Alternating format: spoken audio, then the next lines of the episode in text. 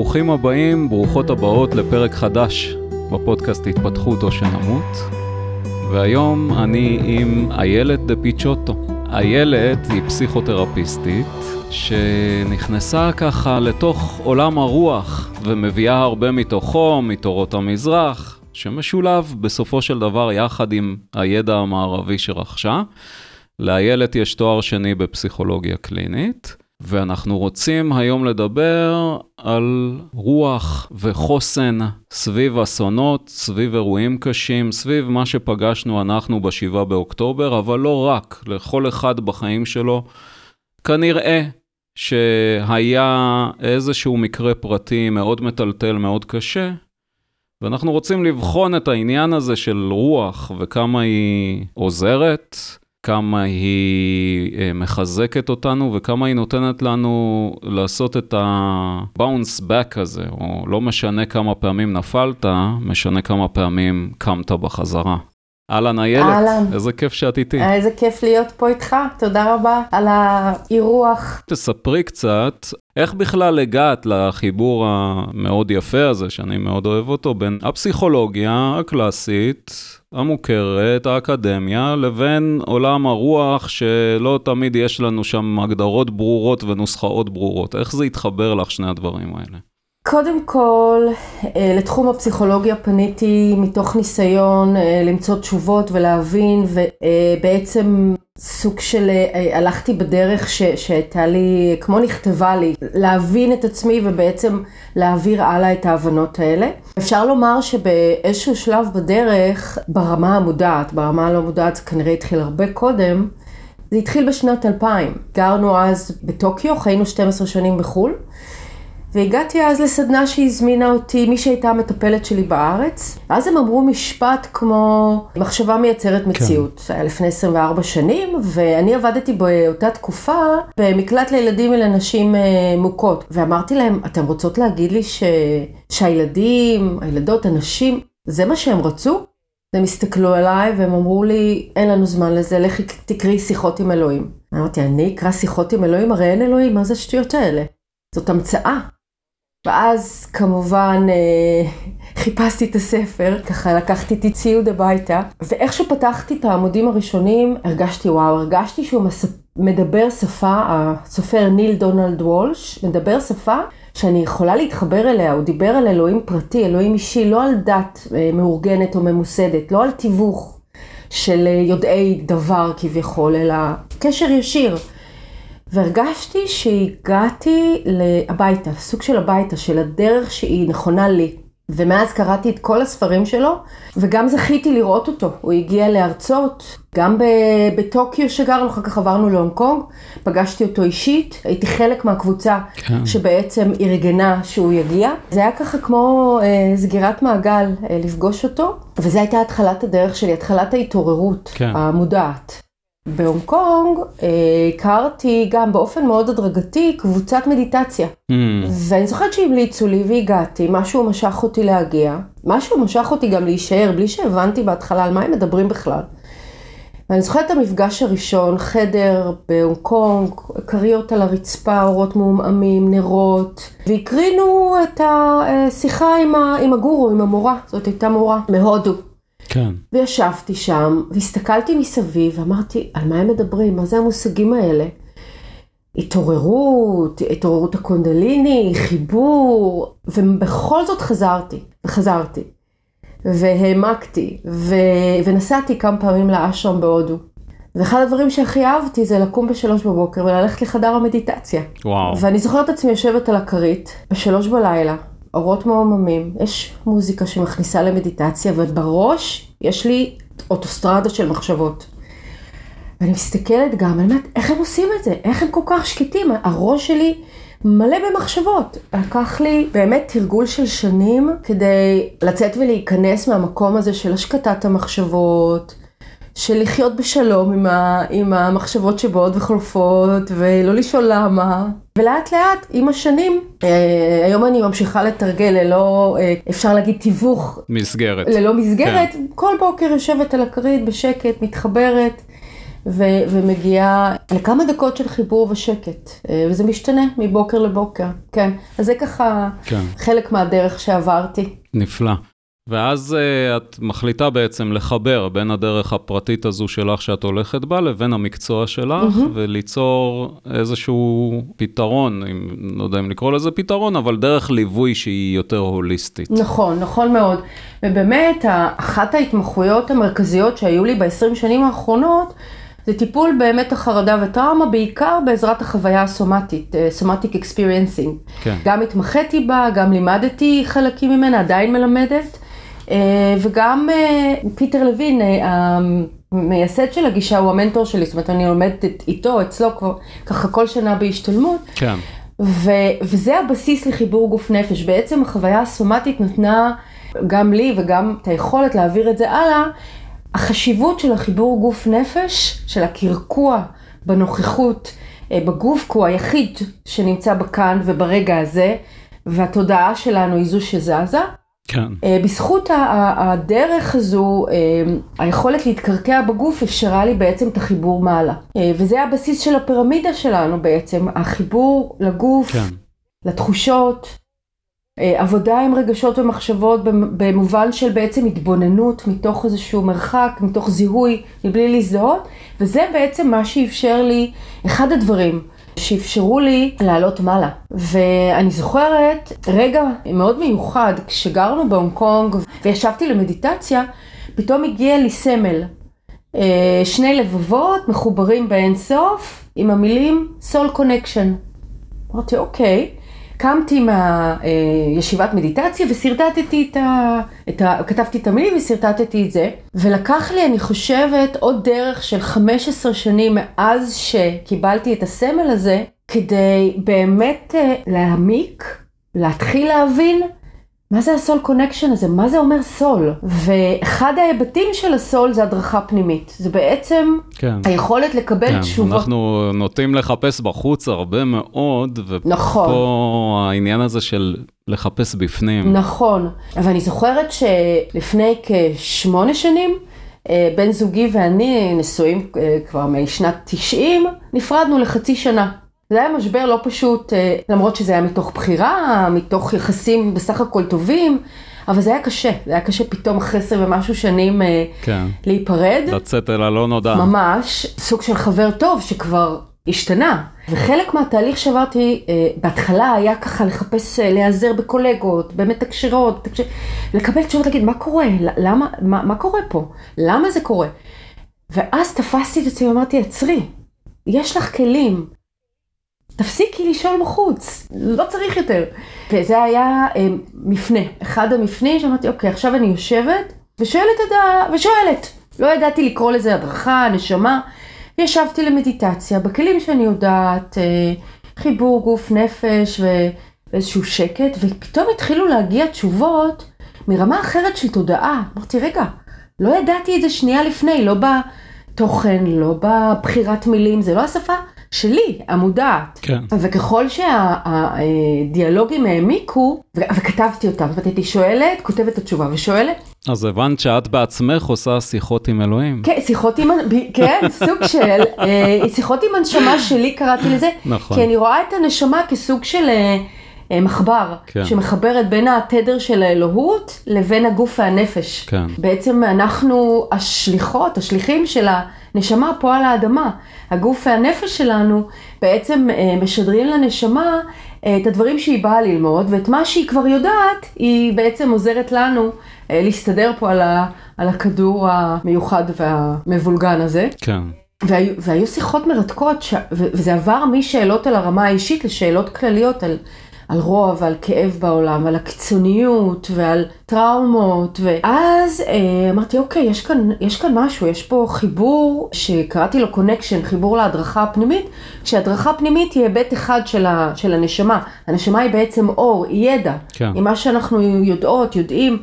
ומה שלא, אנחנו באנו ללמוד. והתחלתי ככה אה, להפוך את זה לגוף ידע, ושתי תלמידות שלמדו אצלי בעבר אמרו לי, מה, מה קורה עכשיו, מה את מלמדת? אמרתי, האמת, אני לא יודעת, משהו קורה, אבל אנחנו יכולות לשבת ביחד, ונראה. ובאמת ישבנו ביחד לסוג של אה, פיילוט, ל-20 מפגשים, והתפתחה ההבנה אה, של ארבעה ממדים, גוף, נפש, רוח ונשמה. שלכל מימד יש שפה אחרת, יש מרחב אחר של, אה, של תדר, אם אפשר לקרוא לזה ככה, של כן, תדר אחר, ואיך מלמדים את התדרים האלה, ואיך מתחברים לתדרים האלה. והחיבור הזה בעצם עוזר לנו, יכול לעזור לנו, להבין את הסיבות הגבוהות לדברים ש, שאנחנו אה, עוברות ועוברים כאן, כן. על הכדור הזה. כן, מאוד עוזר לנו כבני אנוש, או כאלה המצויים כאן על הקרקע, להבין את הסיבות. ומאוד חשוב לנו באיזשהו מקום שיהיה, שיהיה הסבר. שתהיה תוכנית גדולה. דיברנו קודם על האסון הספציפי שלנו שהתרחש. לגבי האנשים שהם במעגל הראשון, נאמר אנשים שהיו ביישובים של העוטף, או אנשים שלחמו במילואים, או כאלה שנקלעו לפסטיבל, בדרך להחלמה שלהם, כמה חשוב שיהיה איזשהו היגיון של תוכנית גדולה, האם הם מחפשים אותו בכלל, או שזה משהו שהם אומרים, אה, אנחנו אוטמים את האוזניים שלנו ולא מוכנים בכלל לשמוע. אה, אם נסתכל רגע על השואה, אז מהשואה יצאו אנשים שפתאום מאוד האמינו באלוהים. ואנשים שפתאום לא האמינו בכלל שיש דבר כזה ואיך ייתכן שיש אם מגיע כזה רוע גדול. האם אנחנו פוגשים כוחות דומים גם כאן? זה מעניין כי עבדתי במשך אה, כחודש וחצי בדרום עם משפחות מקיבוצים שונים, עם אה, צוותים, אה, גם של מנהלי בתי מלון שנותנים שירותים, ש... שכמובן גם מאוד הושפעו מהמצב, היו צריכים מענה וגם... צוותים של מטפלים ושינשינים והמשפחות עצמם. ומה שאני הייתי ממוקדת באותם שבועות זה במתן עזרה ראשונה. כן. כי המענה של עזרה ראשונה, שיש פה מישהו איתנו, היו הרבה אנשי מקצוע, שרואים, שמבינים, שנותנים מענה ראשוני להוריד הצפה וחרדה, ואת מה שכרגע אפשרי, זה בעצם ככל שההתערבות הראשונית היא מהירה יותר, ברמה של הורדת חרדה, הורדת שוק, הורדת הלם אה, וחזרה לכוחות ולמשאבים, זה הוכח כמונע אה, התפתחות של... פוסט-טראומה. בדיוק, ורובנו כן. לא נחווה פוסט-טראומה, אלא כן עברנו אירוע טראומטי כולנו. כן. מי שהיה במעגל הראשון, השני, השלישי והרביעי, כולנו חווינו במידה מסוימת, ועל כולנו זה כל אחד משפיע אחרת. אבל מי שעבר את המעגל הראשון, השני, בעצם ההתערבות הראשונית, אני התמקדתי בה. כן. לא הגענו באותו הזמן... לרומו של אה, עולם כזה מין. לא. כן. ממש ממש לא, וגם אני לא הייתי שם. כן. זאת אומרת, כן. הייתי ביני לבין עצמי. והיה לי רגע מכונן כן. שם. זאת אומרת, אם אני יכול רגע לקחת ממה שאת אומרת, כשישנה שריפה גדולה, כן. מתחוללת בתוכי, התנועה, זה הדבר הכי חשוב קודם כל, על מנת שלא תתקבע פוסט-טראומה לאחר מכן. בוא אני אעזור לך עם איזשהו קיט SOS, איך להתחיל להניע את מה שמתרחש בתוכך, כדי שלא תהיה איזושהי סטגנציה. ודברים ישקעו, ייתקעו. נכון, נכון, אתה נגעת בנקודה מאוד חשובה, כי באירוע טראומטי החלק הכי קשה זה האי-מוביליטי, החוסר, החוסר יכולת לעשות משהו, כמו כן. אנשים שהיו 20 אה, שעות בממ"ד, לדוגמה. והכפייה הזאת, החוסר תנועתיות הזאת, אה, בעצם שומרת עלינו, היא סוג של הגנה. זה בעצם נע בין תנועה לבין חוסר תנועה לבין כן. עד, אה, עד כפייה. אבל זה יוצר המון, המון פחד.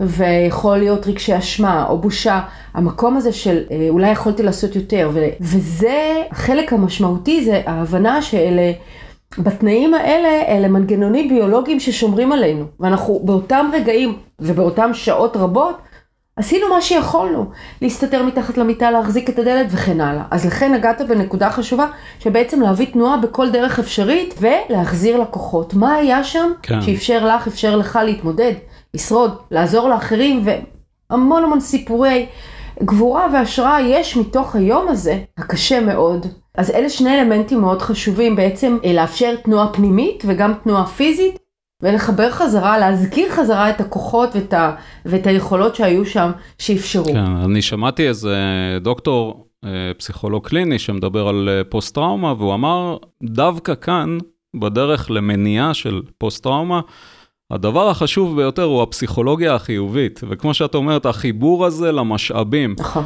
הוא אמר, מאוד מצא חן בעיניי, הוא אמר, אולי לא היינו צריכים לקרוא לזה פסיכולוגיה חיובית, והיינו צריכים לקרוא לזה פסיכולוגיה של משאבים. נכון.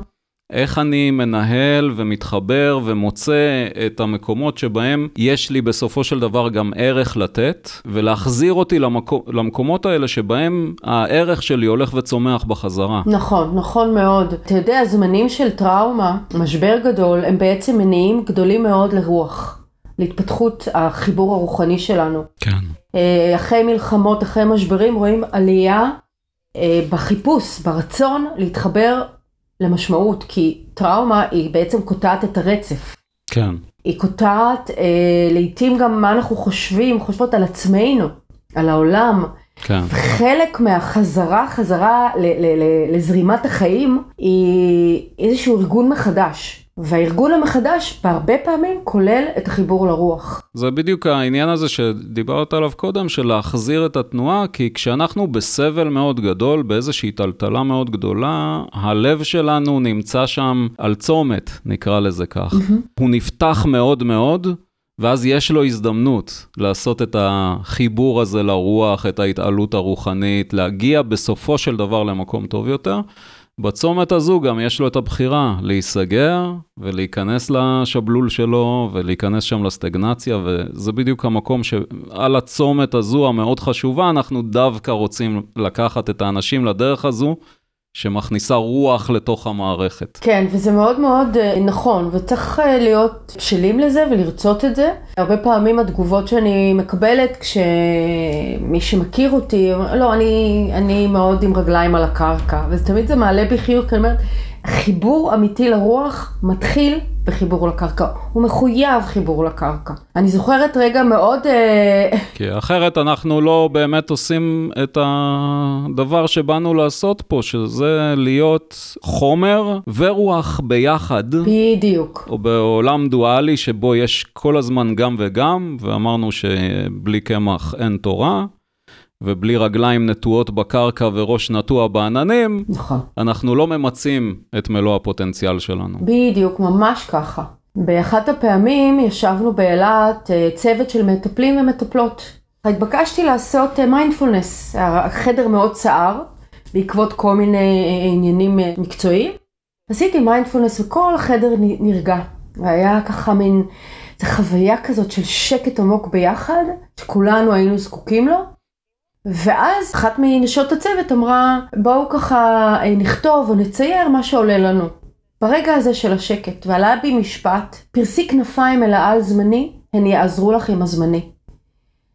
והסתכלתי ככה על המשפט, ו- והסתכלו עליי חברי צוות, מה זה משפט של פמה צ'ודרון? לא, לא, זה עלה לי הרגע מתוך השקט המשותף הזה. ואני בקשר עם המשפט הזה מאז, כי הוא בעצם הראה לי את... uh, תחילת השינוי, או, או תחילת, אמ, בוא נגיד, התהפכות הקערה עבורי. כי אם עד אז הדגש היה באמת לתת מענה למה שצריך בשטח, החיבור גוף נפש, עזרה עם להוריד חרדה, עזרה בטיפול בטראומה, משהו אמר די. עכשיו, אחרי משהו כמו 17 שנים של עבודה מאוד אינטנסיבית בצפון, בדרום, מרכזי ער"ן, חוסן וכן הלאה, מספיק. אני עכשיו יכולה ללמד את הטיפול אבל אני עושה משהו אחר. אני יותר אה, בעצם, אני עובדת עם החיבור לרוח, לנשמה, לסיבה הגבוהה למה שקורה למי שרוצה לשמוע. ואז כששואלים אותי מה את עושה עכשיו, אומרת מדריכת חיבור. אני מזהה מה רמת החיבור לגוף, לנפש, לרוח ולנשמה, ומה צריך לעשות, איך אפשר לעשות, וכמובן, האם יש בשלות, נגיד, רגע, מה הסיבה שאני חווה את מה שאני חווה?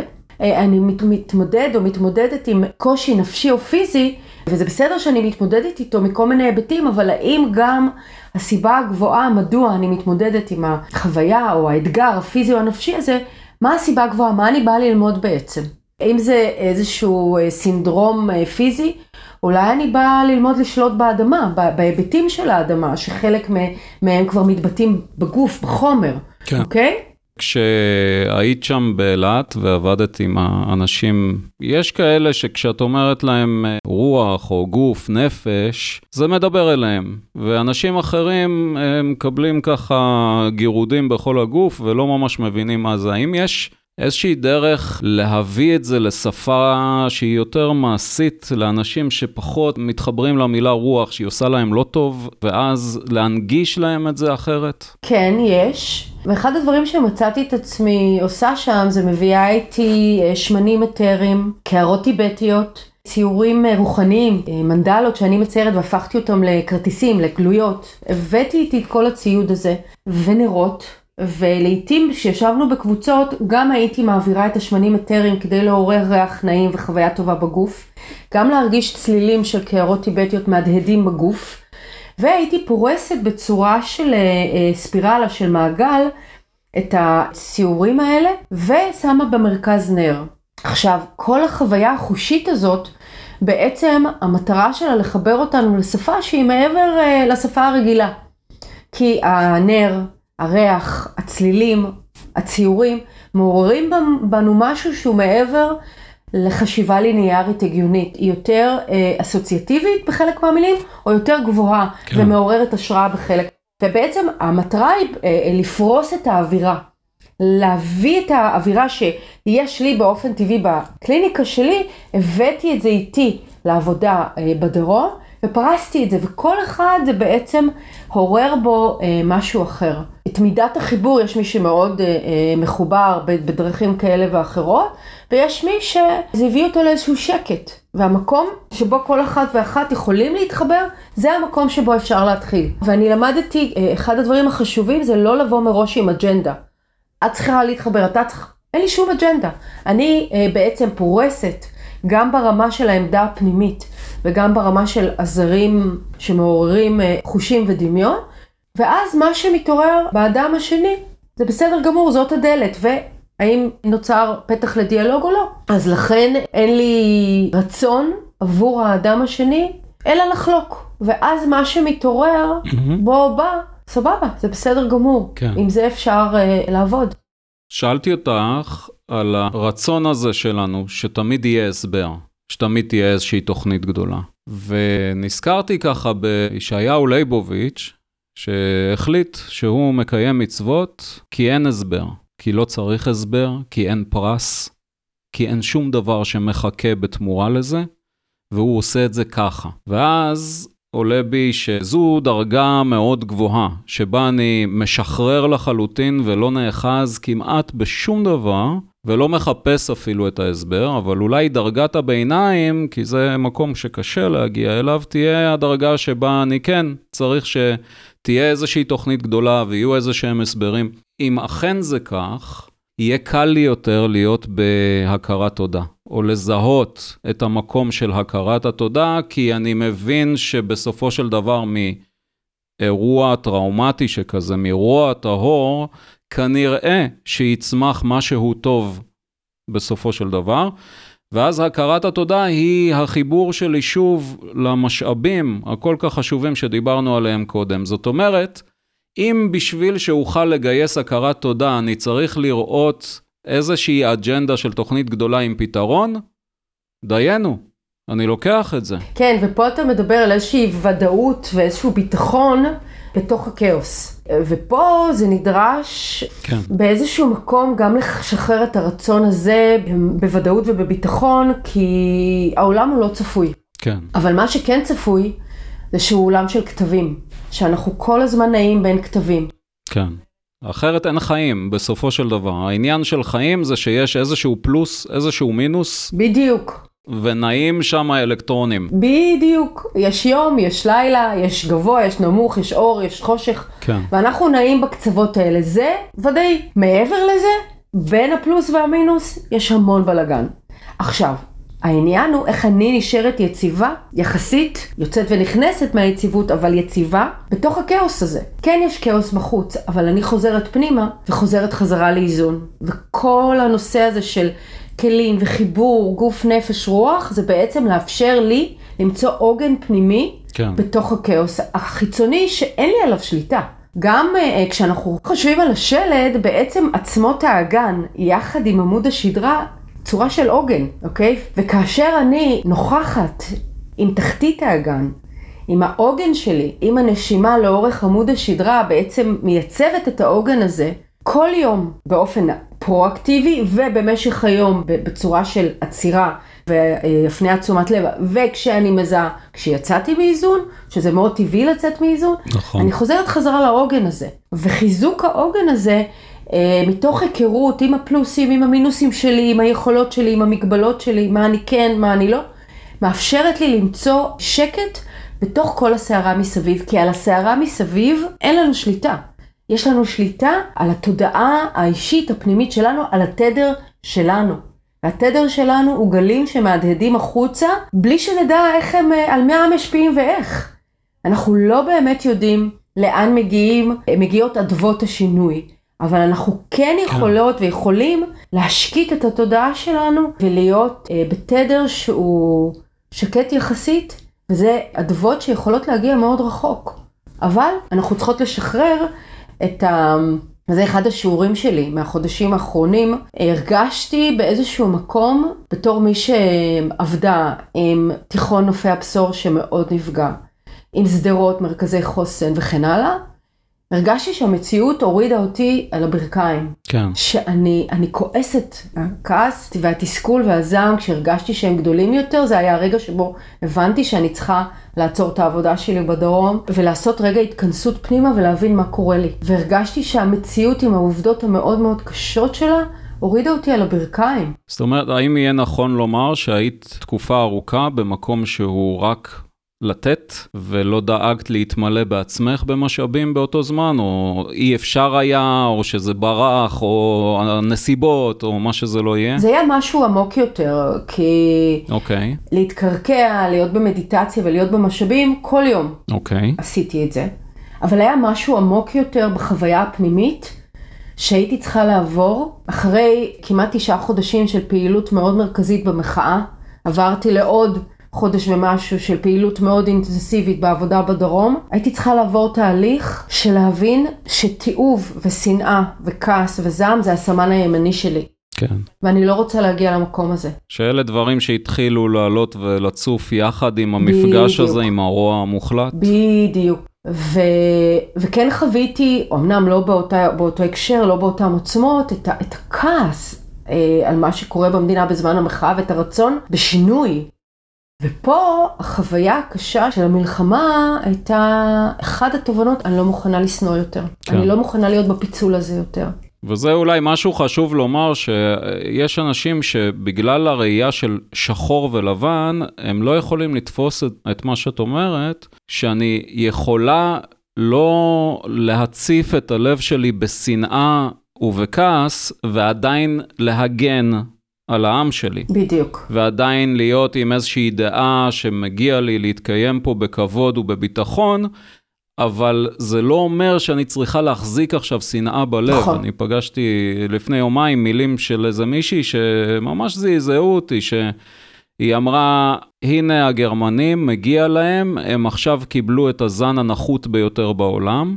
היא התכוונה למוסלמים בגרמניה. ולא הבנתי איך היא יכולה לומר את זה, כי רק לפני עשרות שנים אמרו בדיוק את אותו דבר עלינו, ויש פה איזשהו צורך להציף את הלב בשנאה, כי אנחנו צודקים והם טועים. כן, בשבועות הראשונים שעבדתי שם, עבדתי, הייתי ממוקדת בעבודה, לא, מלח, לא במלחמה, לא בחדשות, פשוט מה אני צריכה לעשות ואיפה. ורק כשהגעתי הביתה לסוף שבוע והתחלתי להתעדכן, והייתי משוחח, משוחחת עם, עם בן הזוג שלי והוא התחיל לספר לי, הרגשתי איך, איך אני מרשה לעצמי להוציא מבעבעת. את ה... מבעבעת את הזעם איתו, בשיח איתו על מה שקורה. ולאט לאט הרגשתי איך, איך המקום הזה בעצם מחלחל לתוך העבודה שלי, ואמרתי פה אני צריכה לעצור. אני צריכה לעצור ו- ו- ולנקות ולברר עם עצמי מה קורה לי. אפשר לומר שקולות מהעבר, חוויות מהעבר האישי שלי התעוררו כנראה, ולא כנראה התעוררו. כן. והייתי צריכה לחזור להיות בשיח מקרב עם עצמי. ובאמת, כמו שאמרתי, אחת המסקנות הייתה, שנאה זה הסמן הימני שלי, אני לא מוכנה להגיע, לא משנה מה זה, בתור חוויה פנימית. ועלו לי שני, אמ, שני מורים לראש. אוקיי. מורה ומורה. כן. אחד זה ויקטור פרנקל, שבצעדת המוות דמיין איך הוא נותן הרצאות. וזה מה שהוא עשה. כן. והשנייה היא אישה צעירה מרמת השרון ששיתפה באירוע קשה מאוד לאורך שנים, שהיה בחדשות, אונס שאחי עשה בה במשך שנים. וואו. והדבר שהיא עשתה, היא דמיינה כל השנים האלה שהיא התמודדה עם זה, שיש לה משפחה אוהבת ובעל אוהב. משפחה אוהבת ובעל אוהב, וזה מה שיש לה היום. אמרתי וואו. לעצמי, זה מה שאני הולכת לעשות. לקחתי מחברת והתחלתי לדמיין את מור- כל מה שאני רוצה עבור המדינה שלנו, העם שלנו, לי, עם המקום המאוד כואב הזה שהגעתי אליו כן. בחודשים האלה, ופשוט לכתוב כן. מה, אני, מה אני רוצה כ- כקורא. זאת אומרת, לנו יש, לי יש. את בוראת מציאות בוראת מ- ממש. זהו, ואמרתי, זאת, כן. זה הדבר שאני יכולה לעשות, זה לדאוג לאקולוגיה הפנימית שלי, כן. לזהות היכן אני נמצאת ולזוז משם, כי אני יכולה להגיע לקצוות האלה, ולכתוב מה, מה כן, מה כן, מה כן. כן. עכשיו, את מביאה פה משהו מאוד מאוד חשוב, שאני חושב שהוא יכול להיות תרגיל מעולה מעולה, בטח למעגלים הראשונים שחוו את הטראומות האלה, לנהל מחברת בדיוק כמו שלך. ואז עולה הקול הסקפטי הזה, שאומר, בשביל מה זה טוב? למה שאני אעשה את זה? בכלל, הנה, תראה איזה אסון קרה לי ואפילו לא תכננתי. נכון, נכון. אז לקול הסקפטי הזה אני רוצה לומר, ואחר כך אני ארצה לשמוע אותך, זה שכשאני מנהל כזו מחברת, אם חס וחלילה מגיע המפגש הבא עם איזשהו דבר, כי אנחנו חיים בעולם שיכול להשליך עלינו כל מיני דברים, אני מגיע הרבה יותר מאורגן ובריא ומוכן עם המשאבים המנטליים שלי, ולכן הסיכוי שלי לצלוח אירוע שכזה בפעם הבאה עולה עשרות מונים על היכולת שלי לצלוח אותו כשאני במקום המריר והציני והסקפטי. אז רק זה, זה מספיק טוב. מלבד זה, כל העניין הזה של בריאת מציאות, אנחנו לגמרי מכווננים את הגוף שלנו ללכת ולפגוש את הדברים האלה שאותם אנחנו כותבים, וכשהעולם לא עסוק בלזרוק עלינו דברים רעים, הוא מניח עלינו גם דברים טובים, ויש סיכוי לא רע לפגוש את מה שאנחנו כותבים במחברת. נכון, נכון. אז כמו שאמרת, זה גם בעצם אה, מפתח חוסן, מחזיר תחושה של שליטה, וגם ההבנה, אני עושה את זה יחד עם ההבנה שיש לי אחריות רק על השיגור של המחשבות שלי, הפעולות שלי, רק אחריות על איכות השיגור. כן, אין לי שליטה על התוצאה. כן. אני לא יודעת מה באמת יהיה, ואני משחררת את זה אה, אה, בדיאלוג של שחרור של זה, אלא אני כותבת מה יהיה ומתוך כוונות אה, ליבי העמוקות, אבל אין לי באמת שליטה כן. על מה יהיה, מה תהיה התוצאה. והנה לנו שוב הדואליות. נכון. המקום הזה שבו מצד אחד אני מכוונת, אני בורט, אני פרקטית, מעשית, ואז מיד אחרי אני בקבלה. מה שיופיע, זה מה שצריך להופיע, והמשחק בין שני הכוחות האלה כל הזמן, גם וגם, גם וגם. בדיוק, וזה משאיר אותנו עם אחריות לאיכות השיגור, לא- לאור שיש בו. כן. אור זה ידע. ולכולנו יש את נקודות האור, הידע, ואת נקודות החושר שאנחנו עדיין, ומה זה חושר? אנחנו עדיין לא יודעים, אוקיי? כן. ותהליך של גילוי שבעצם מתווסף לנקודות האור. וזו תודעה, זה מצב תודעתי. של שוב, הפולריטי הזה בין האור הידע לבין החושר, החוסר ידע. והתהליך פה זה התגלות של מה כן אפשר. והחוסר ידע או הקושי דוחף אותנו בעצם לגלות את הנקודות האלה כן, של האור. לגמרי. עכשיו, במסגרת אה, תוכנית מתמשכת, או חוסן מתמשך, אנחנו יודעים שלגבי כל הנפגעים והמפונים והמשפחות, יש אה, טיפול אה, מונע ראשוני. כמו שאמרנו, הנה ערכת עזרה ראשונה, אנחנו מיישמים אותה. האם יש להם גם תרגילים שמשאירים איתם, או מסגרות שנשארות איתם למין משהו מתמשך, משהו ארוך טווח? ויותר מזה אני אשאל, האם בכלל אה, מתחילות לעלות מחשבות בדיאלוגים השונים שמתרחשים סביב אה, רפואת מנע, הכנה מראש, לקראת, כדי שנגיע טובים יותר, כמו שאמרנו קודם. כן. אז קודם כל, אה, למיטב ידיעתי, יש אה, מרכ... מרכזי חוסן נפתחו גם בים המלח, גם באילת, וקוראים לי יותר ויותר צוותים להגיע, אז פעילות נעשית, אה, גם עם משפחות אה, מפונות, גם עם חיילים שיוצאים וחיילות שיוצאים מעזה, והיום עוד יותר, גם יש ידע, גם יש כלים וגם יש הבנה שאנחנו צריכים את זה. כן, גם את ההקשבה האמפתית וגם את הידע המדויק, איך עובדים עכשיו עם מערכת העצבים האוטונומית, כי היא זאתי שמחזיקה את הקושי. ולגבי אה, מנע אפשרי, כן. חוסן הוא בעצם שריר שאפשר לפתח. זאת אומרת, אני לא צריכה להגיע אל פי תהום כדי להגיד, רגע, רגע, רגע, אני, אני חייבת עכשיו את הכלים. לא. כן. אלא בשוטף, ביום יום, תמיד אני אומרת לאנשים שאני מלמדת אותם, תתרגלו את זה ביום יום, אל תחכו לרגע אקוטי כדי לחפש את הכלים ואז הם לא נגישים, כן. כי הם לא שפה שהתרגלנו אליה. ולכן יש חשיבות מאוד גדולה ביום יום, גם לעשות את מה שעוזר לנו ולהיות מודעות שבעצם אני באופן פרואקטיבי עושה את מה שעוזר לי, וכל אחת ואחת בוחרת משפע שלם של דברים שיכולים לעזור, אבל גם אני מתרגלת כלים שמחזירים אותי לאיזון, לסנטר שלי, לכוחות שלי, וכשאני אומרת כלים שעוזרים, אני לא מתכוונת למשהו שיש בו מחיר פיזי או נפשי. כי אם מישהי אומרת לי, אני שותה כמה כוסות יין כדי להירגע, Mm. או אוכלת שוקולד, או מעשנת, אז זה לא כלי שעוזר. זה לא, להפך. ולכן אני אחפש את הכוחות האלה ללא מחיר פיזי או נפשי. כן. ולכוון את התודעה שלי לשם. כן. לקוחות המחזקים באמת ללא המחיר הזה. שלוש פעמים עשיתי בבית ספר של הבת שלי בתיכון, כן. אה, העברתי מדיטציה לשכבה שלמה, עשיתי את זה שלוש פעמים, ואחר כך המנהלת ביקשה שאבוא ואעשה פעילות למורים, ובאמת איזה יופי. פוגשת אנשים שיש להם ילדים במילואים והם מותשים והחדשות, ויש אה, צרכני חדשות מאוד מאוד כבדים שאנחנו מבינים שבסופו של דבר זה פוגע. נכון. ואז אם אפשר להוציא נכון. מפה קריאה לתלמידי הגנים, לגננות, לתלמידי החינוך הרך, בתי הספר, ואחר כך אפילו בצבא. לגמרי. לעשות את התרגולים האלה לפני שיש שרפה, לא לחכות. בדיוק, בדיוק. היית, אה, במשך הרבה שנים עשיתי פרויקט עזרה ראשונה בבתי ספר, בכל הארץ. אחד הפירות של הפרויקט הזה, הוא התחיל כשהבן שלנו, שהוא בן 20 עכשיו, חייל, היה בן 9, בזכותו, ככה בזכות אה, סוג של התערבות שהיה צריך בכיתה שלו, ומזה זה התפתח לכל הארץ. אחד הפירות, זה ספר ילדים שכתבתי שנקרא המפתח של דניאל, שבעצם מלמד מיינדפולנס, ודניאל היא בת אוקיי. okay. בספר, דרך עלילה, אה, ילדות וילדים ובוגרים לומדים כלים שעוזרים להוריד הצפה רגשית וחרדה, mm-hmm. דרך אתגרים שדניאל פוגשת בדרך, ובסיום הספר יש מדריך.